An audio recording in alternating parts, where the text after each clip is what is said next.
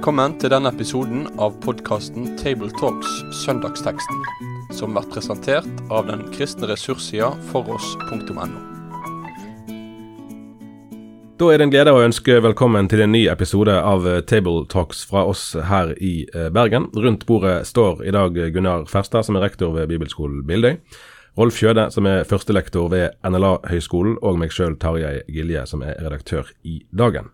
Vi skal snakke om teksten for 16. søndag i treenighetstiden. Teksten finner vi i Markusevangeliet, kapittel 7, vers 31 til 37, og Rolf leser.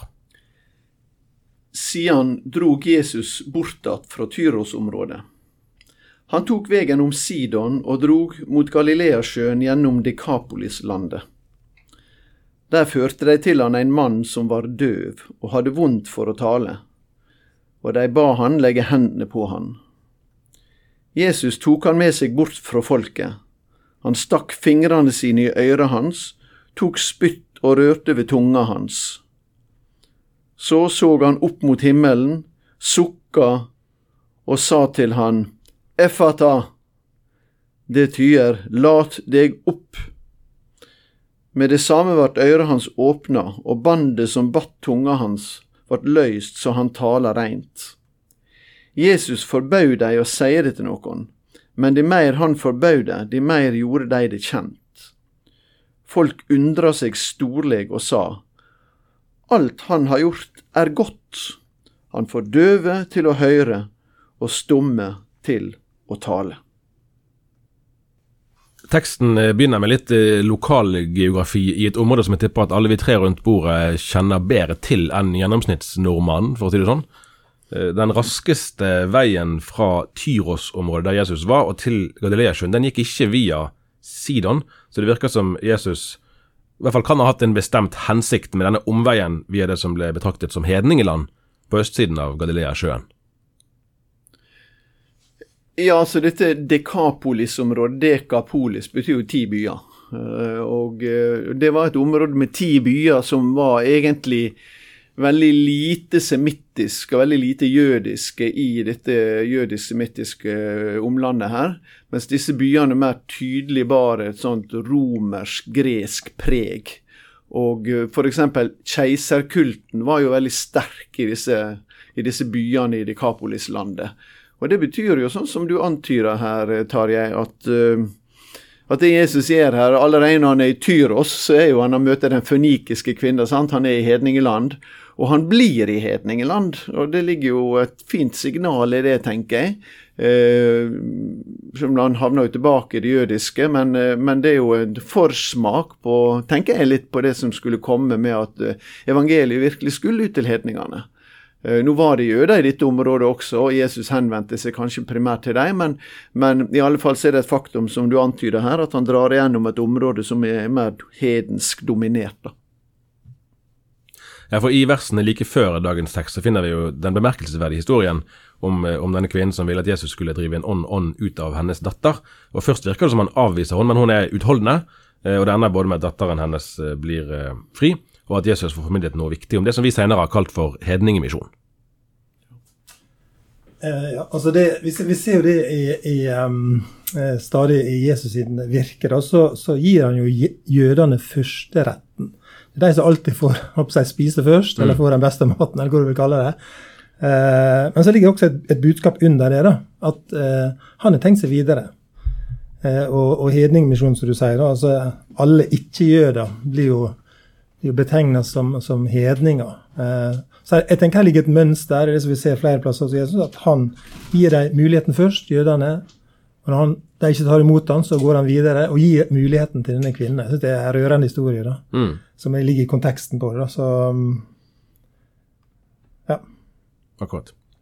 Og så får vi altså skildret uh, møte med den uh, døvstumme, kan vi vel si, uh, mannen. Vi får kort beskrevet, beskrevet hans altså medisinske tilstand. og så Jesu metodikk, så å si, selve underet, og så fortellingen om det. Vi må vel anta at noen av, av vennene til denne døvstumme har visst om Jesus fra før, siden de kom til ham. hvor mye skal vi legge det konkrete her? Altså Jesus stikker fingrene i ørene, bruker spytt og berører tungen. Hvis man skulle lage sånn helbredelsesmetodologi, eh, så ville det være en krevende øvelse. For det virker som Jesus varierer litt, helt som når han er i de spesifikke tilfellene. Jeg tenker at Hvis det, det primære det problem, primære problem, helseproblemet for denne mannen er at han er døv. da. Uh, og så skal Jesus kommunisere med han. For det, det er ikke primære problemet er ikke at han er stum, og det brukes heller ikke ord, et sånt ord for helt stum, men det brukes mm. et ord som nettopp er oversatt her med at han hadde vondt for ja, å tale. Ja. Og det er veldig mange døve vil jo, vil jo ha en form for uh, uttale som, som, er litt annerledes, nettopp fordi at en ikke hører seg sjøl. Uh, og men hvis du tar utgangspunkt i at det her er altså en, en, mann som det må kommuniseres med på en annen måte, eh, så er det kanskje ikke så underlig av den grunnen at Jesus tar den vekk, og så bruker han fysiske virkemiddel eh, som en del av sin kommunikasjon med, eh, med, med den døve. I tillegg til at dette med spytt og sånt, da er jo noe som er ja, noen, eh, Vi kjenner det noe fra samtida på, eh, på, at det er blitt, blitt f.eks. Smurt spytt på øynene og slike ting. Men, så, så, det er noe som i og for seg er kjent. Vi vet ikke så fryktelig mye om det. Men det er disse to sidene. Ja, han bruker noen kjente virkemidler, men jeg tror kanskje det aller viktigste er at han velger å, han velger å finne sin kommunikasjonsvei inn til den døve. da. Men, men, det er jo ikke noe som så du sier, det, det er jo ikke noen en lett øvelse å skulle prøve måte altså, eh, hva skal jeg si, eh, lage et mønster ut av måten mm. Jesus gjorde på. Fordi vi må vite at sånn som i dette tilfellet her, så, så leser vi i, i, i Matteus 15. Der har vi på en måte en slags kortversjon av dette som skjer. Der blir jo ikke det fortalt direkte om denne beretninga der. Eh, men, men, der helbreder han, står det mange lamme, eh, blinde, vannføre og stumme. Altså Han gjorde det med mange. Og så likevel så stopper han her opp på en måte, så tar han én til side. Og så er det noe, jeg synes det er noe fint ved det.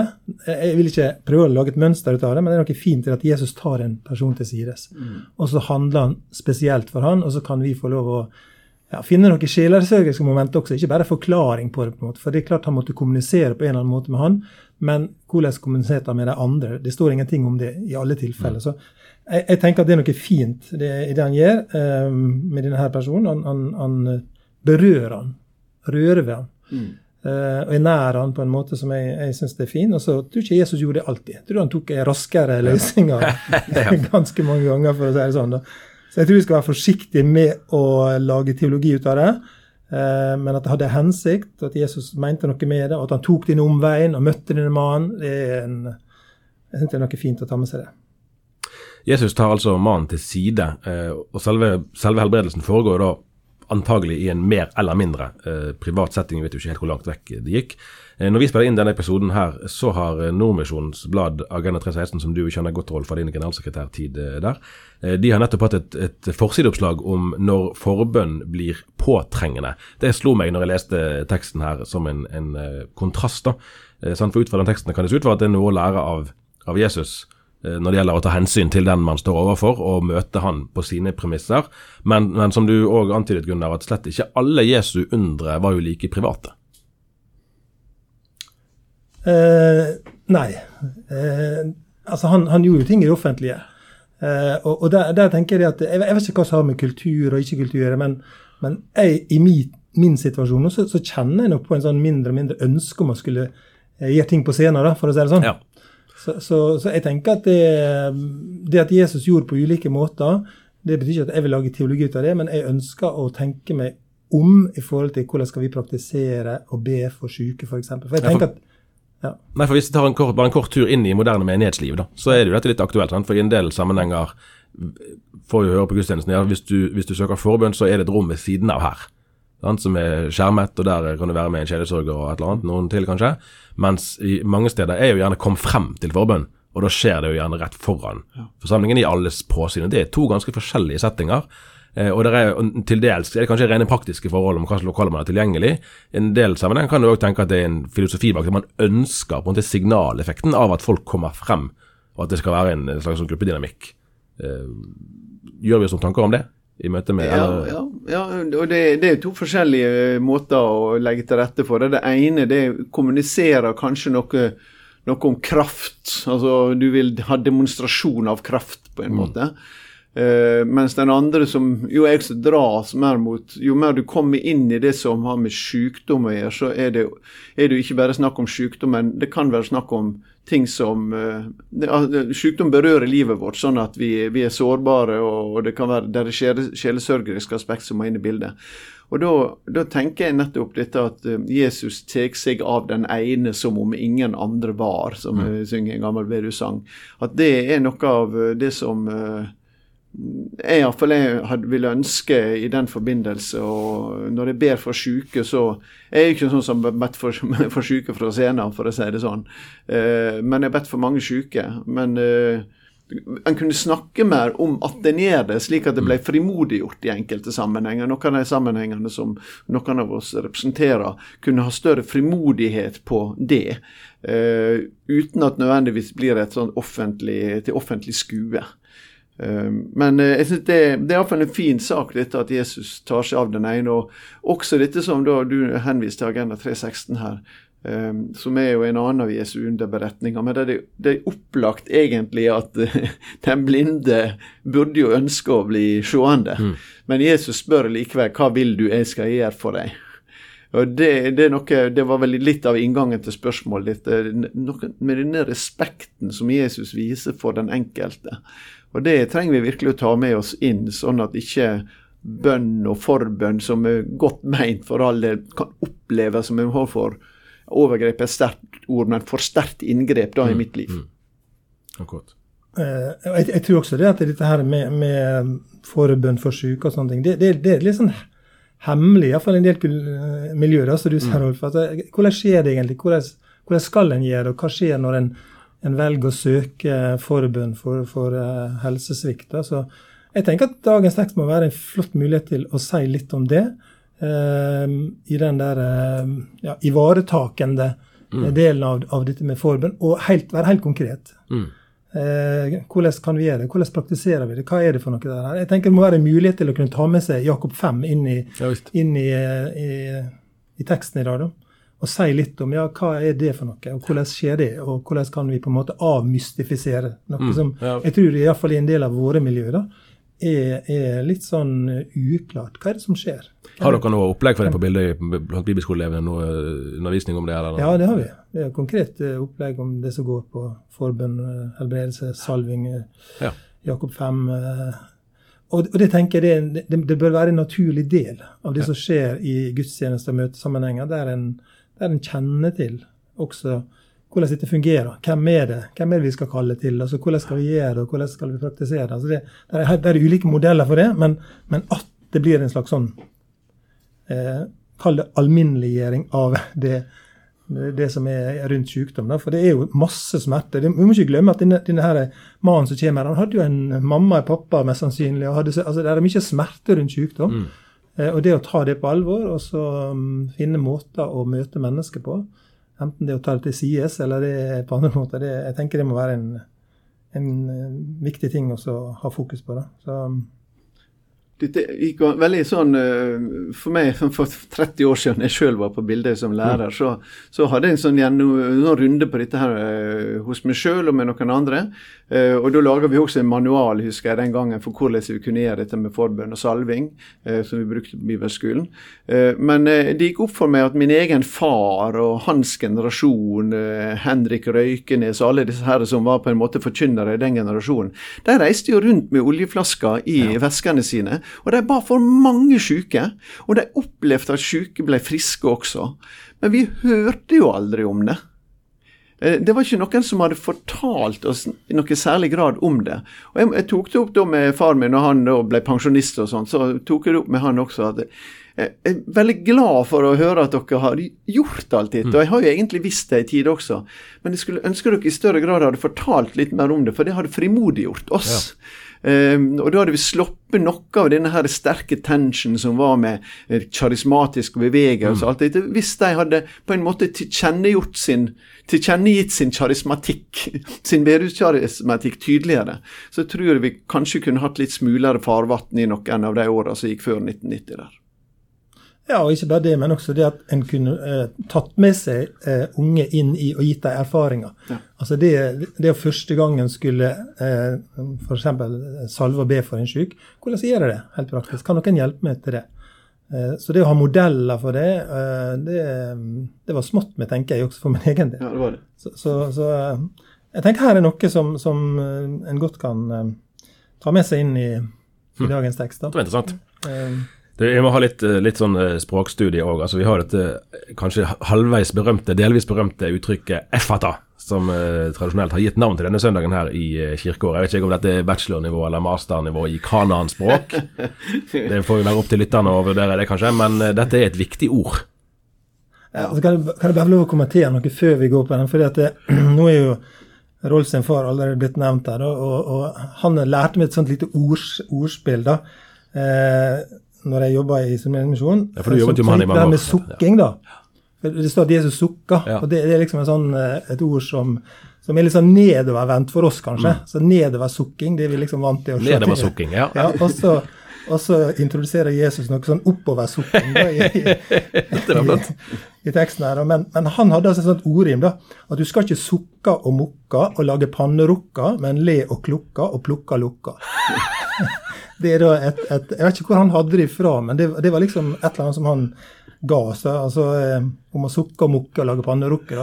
Eh, men det er jo litt mer sånn nedoversukking. Ja, ja. Sant? Så, så, så det er noe med, med sukkinga til Jesus da, som Jeg vet ikke om vi skal snakke mer om den, men du vil jo inn i, inn i F-begrepet. Men, men, men det er noe med dette sukket da, Ja, det det. som går Ja, er nedover.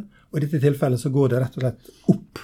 Mm. Oppover, tenker jeg. Han ser jo på den mannen, og så sukker han. Så, så, så det er jo et begrep som vi kunne snakke om. For sukkinga finner vi igjen andre plasser. Mm. Altså jødefolket sukka under uh, byrdene, og, og eh, naturen sukka, og, og, og, så står det noe vakkert om sukking sant, i Romerbrevet 8 der, om, om den, den hellige ande som går i forbønn for oss med ord som det ikke finnes sukk, eller med sukk Ja, ja. som det ikke finnes ord for. Altså, er, er, det, er her liksom Jesus sitt slags bønnespråk, på en måte? Er det lov å tenke seg i den retninga der at han sukka, og i det sukket så lå det et det noen ord som ikke vi helt vet hva det var, men, men, men, men, det, var oppover til, til Gud. Så, så kanskje kan en, eh, en sukke litt grann, eh, Ja.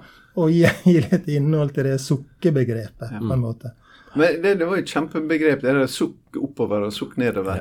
Eller sukking oppover og nedover. For det, fordi at det er jo det er jo rett som Gunnar sier, det er akkurat det samme ordet som brukes faktisk tre ganger i Romerbrevet 8. da, Om skaperverkets sukk, om uh, gudsfolket sitt sukk. Vi sukker uh, mens vi venter.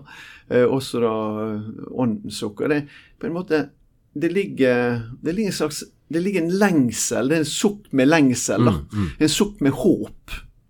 Et sukk med håp som ligger i det. og det, nei, Dette syns jeg er et veldig bra poeng, Gunnar. og, og det ligger, det er jo et, det er jo et bønneord her. altså Det er jo et, det er jo et ord som er knytta til, til bønn når det gjelder Jesus. da.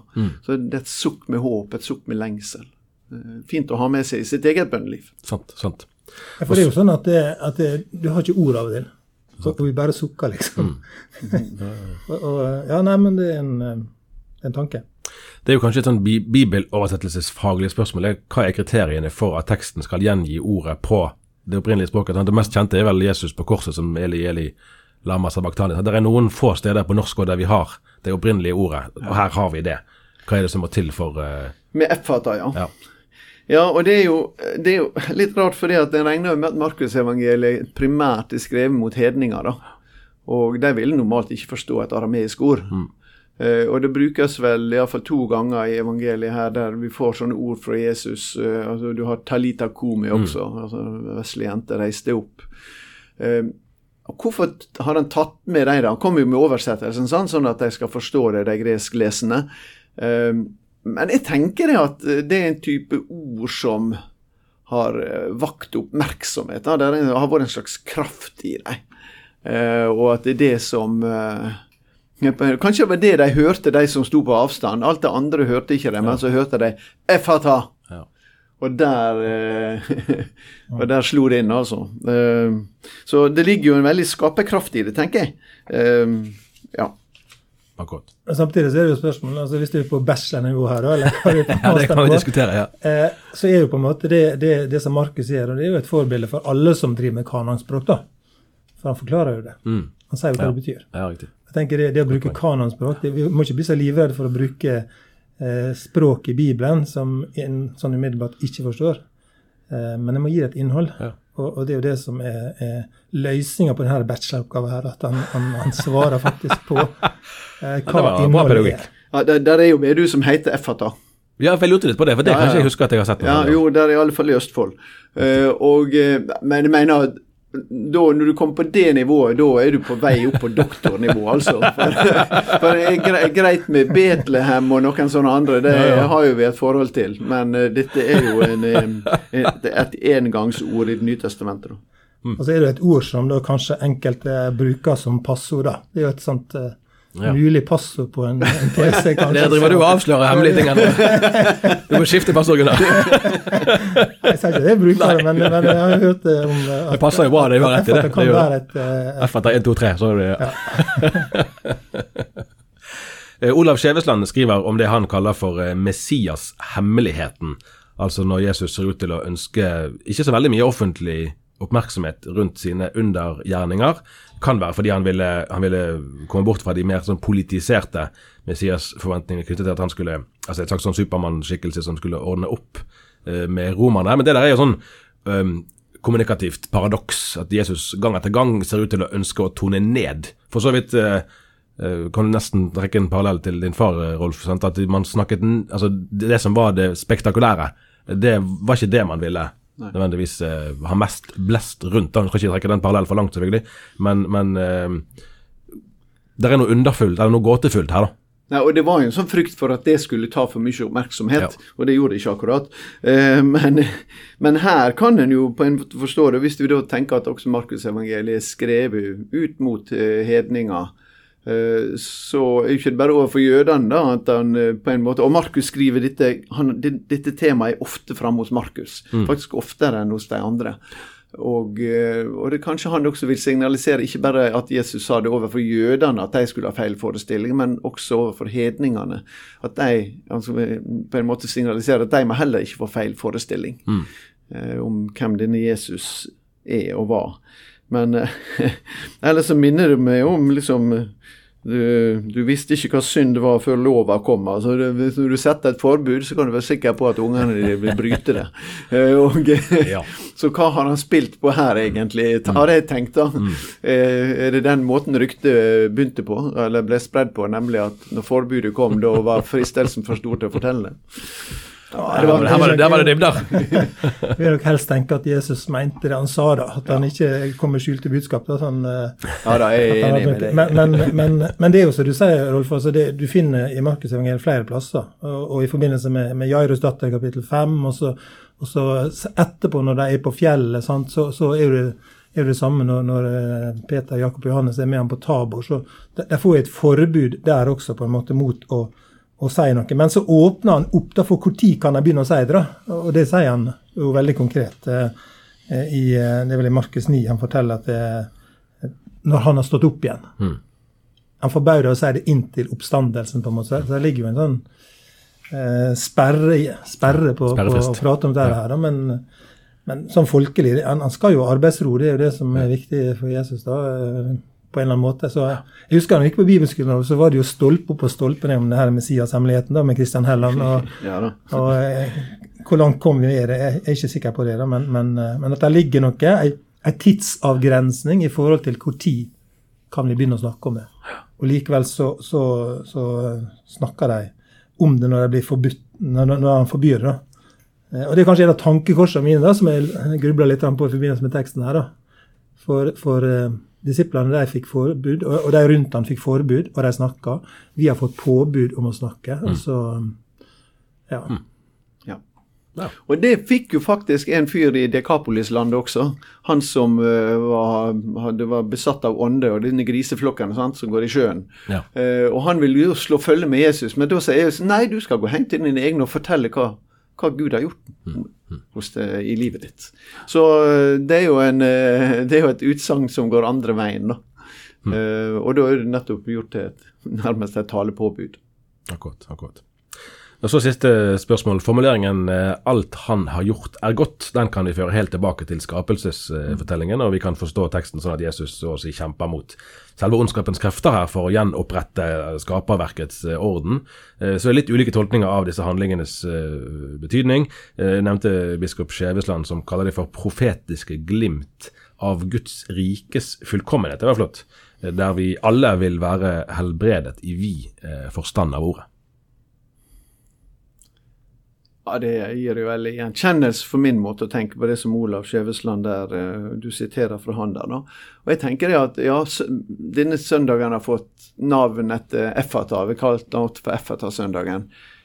Jeg tenker likevel at uh, skulle vi i søndagsskolen hatt et minnevers her, så ville jeg nok heller hatt siste del av siste verset. Alt han har gjort, mm. er godt. Mm. Det er jo, det er jo hovedbudskapet, da. Uh, ja, F-at er hans skaperord. Uh, og, men, men, det som vi sitter igjen med i våre liv, og som inntrykk av han, og som erfaring av, av det som Jesus gjør, det er at han har gjort, virkelig gjort det gode for oss. Og i alt han gjør, vil han oss det beste. Det, det er et fantastisk utgangspunkt for enhver forkynner, tenker jeg, denne søndagen her. Å få få, lande, få lande der og få lande inn folka sine i det, i det fantastiske budskapet. Mm. Ja, og Her er det jo snakk om, om eh, nære, viktige ting for en, en, mann som ikke kunne snakke. Og så står det bare sånn Så snakker han reint, på en måte. Jeg vet ikke om det var pga. hørsel, der som du var inne på, Rolf i stad, eller om det var stammingen i bildet, hva det var, men, mm, mm. men det var i hvert fall for han så var nå himmelen kommet litt nærere, på en måte. da. Og for andre så så de. Og for en tredje så kunne de gå. Og for en fjerde så kunne de. Og det er noe utrolig flott i både det at det skjer nå, men samtidig så er det en himmel over det. da. Og den himmelen er jo kanskje ja, Vi skal ikke begynne å dra inn Tabor-beretninga som ligger i konteksten, men, men, men, det er jo liksom himmel. Det er noe av himmelen på forskudd. da. Og det har han gjort, det er godt, og, og her vil vi være. Hmm. I dette vil vi være sier Peter på Tabor, sant? Når, når Jesus åpenbarer seg. Og, og, så, så, det å, å, dra inn det himmelske perspektivet der, der han skal tørke hver tåre fra, fra øyet der. og det er en, Jeg syns det er en fin måte å, å, å ja, kunne, kunne, lande det på. Det. Så, det var en verdig avslutning. Jeg tror jeg sier at det var det vi rakk eh, i dag. Takk for at du hørte på. Vi høres igjen. Med det sier vi takk for følget for denne gang. Finn flere ressurser, og vær gjerne med å støtte oss på foross.no.